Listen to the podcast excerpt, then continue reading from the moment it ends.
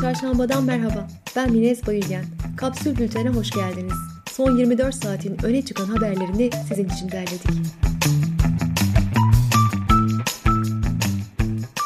Umut Vakfı'nın 2020 raporuna göre son 5 yılda Türkiye'de silahlı şiddet %69 arttı.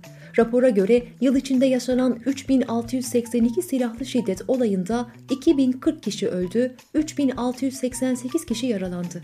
Silahlı şiddet olaylarının %85'i ateşli silahlarla işlendi. Marmara bu yılda en çok suçun işlendiği bölge oldu. En çok artışsa %90'la İç Anadolu'da yaşandı. Vakfa göre Türkiye'de 4 milyondan fazla ruhsatlı, 20 milyondan fazla da ruhsatsız silah bulunuyor. Gazeteci Hrant Dink ölümünün 14. yılında vurulduğu yerde anıldı. Anmada konuşan Raquel Dink, Hrant'ı FETÖ öldürdü demek, ben yapmadım elim yaptı demektir dedi. Kars'ın tutuklu eski belediye başkanı Ayhan Bilgen, Türkiye'de yeni bir fikir ve tarza ihtiyaç var. Bunun düşünsel ve toplumsal zeminini oluşturmak gerekiyor. Bunun yeni bir siyasi partiye dönüşme ihtimali, göreceği ilgi ve imkanlarla ilgilidir dedi. İstanbul 3. Bölge apartman görevlileriyle görüşen CHP lideri Kılıçdaroğlu, en az 1 milyon kişisiniz, bir araya geldiğiniz zaman Türkiye'yi sallarsınız diyerek örgütlenme çağrısı yaptı. Ahim, şarkıcı Atilla Taş'ın 2016'daki tutukluluğunun hukuksuz ve keyfi olduğuna karar verdi. Türkiye Taş'a 12.275 euro manevi tazminat, 3.175 euro mahkeme masrafı ödeyecek.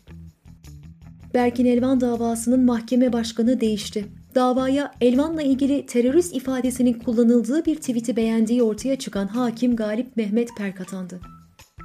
İstinaf Mahkemesi futbolcu Arda Turan'ın yargılandığı cinsel taciz davasında verilen beraat kararını bozdu. Turan aynı suçlamayla yeniden yargılanacak. Hürriyet'in kulis haberine göre Mart ayının ikinci yarısında hafta sonu kısıtlaması gündüz için kaldırılabilir. Habere göre hafta içi kısıtlamalarının saati 21'den 23'e çekilebilir. Okullarda Mart ayından itibaren yüz yüze eğitime geçilebilir, lokanta ve kafeler HES kodu şartıyla açılabilir, Sağlık Bakanlığı hastanelerinde normal hasta kabul edilebilir ve ertelenen ameliyatlara, tedavilere yeniden başlanabilir. Huzur evleri, bakım evlerinde COVID-19 aşısı uygulaması başladı. 90 yaş ve üstüne ise aşılar evde yapılıyor. Almanya'da kısıtlamalar sıkılaştırıldı ve 14 Şubat'a kadar uzatıldı. İngiltere'de son 24 saatte 1610 ölümle en yüksek günlük sayı görüldü. NASA'nın Türkiye'nin yeraltı su rezervlerini gösterdiği haritaya göre Türkiye'deki yeraltı suları ortalama seviyenin altında kaldı. Raporda şu ifadelere yer verildi. Türkiye'nin büyük bölümünde şiddetli kuraklık yaşanıyor. İstanbul çevresindeki çok sayıda rezerv 15 yılın en düşük seviyesinde. Bu koşullar devam ederse mahsul üretimi tehlikeye girebilir.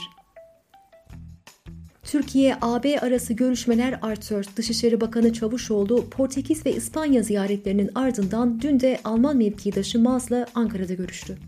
Sabah gazetesi Fransa Cumhurbaşkanı Macron'un Erdoğan'a sevgili Tayyip sözleriyle başlayan bir mektup yolladığını ve iki ülke arasındaki ilişkileri geliştirmeyi arzu ettiğini ileri sürmüştü. TEPAV'dan Nilgün Arısan Eralp'e göre AB ile yakınlaşmanın nedeni Türkiye'nin hem kısa vadeli fon akımı hem de doğrudan yatırım beklemesi. AB'nin önem verdiği konularsa Doğu Akdeniz'in istikrarı ve mülteciler.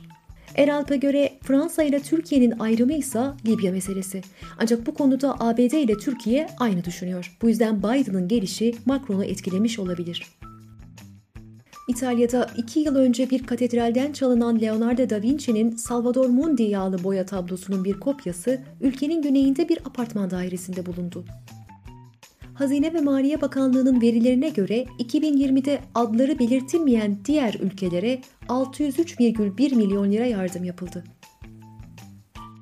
Hürriyet emlak verilerine göre 2020'de kiralık konutlarda en yüksek fiyat artışı %68 ile Muğla'da yaşandı.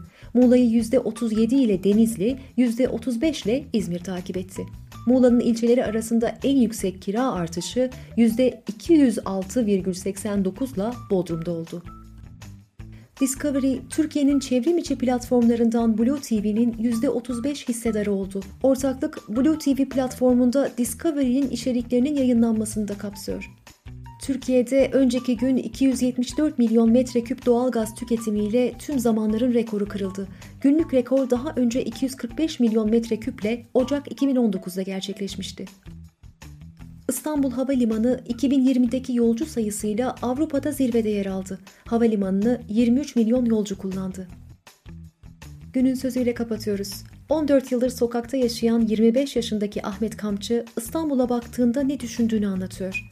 Bomboş bir şehir. İnsanlar hayalet gibi geziniyor. Bizimse hayallerimiz, anılarımız hep gölgelerde, lambaların altında, ateşlerin yanında. Kapsül'ün e-bültenlerine abone olmak için kapsül.com.tr'yi ziyaret edebilirsiniz. Hoşçakalın.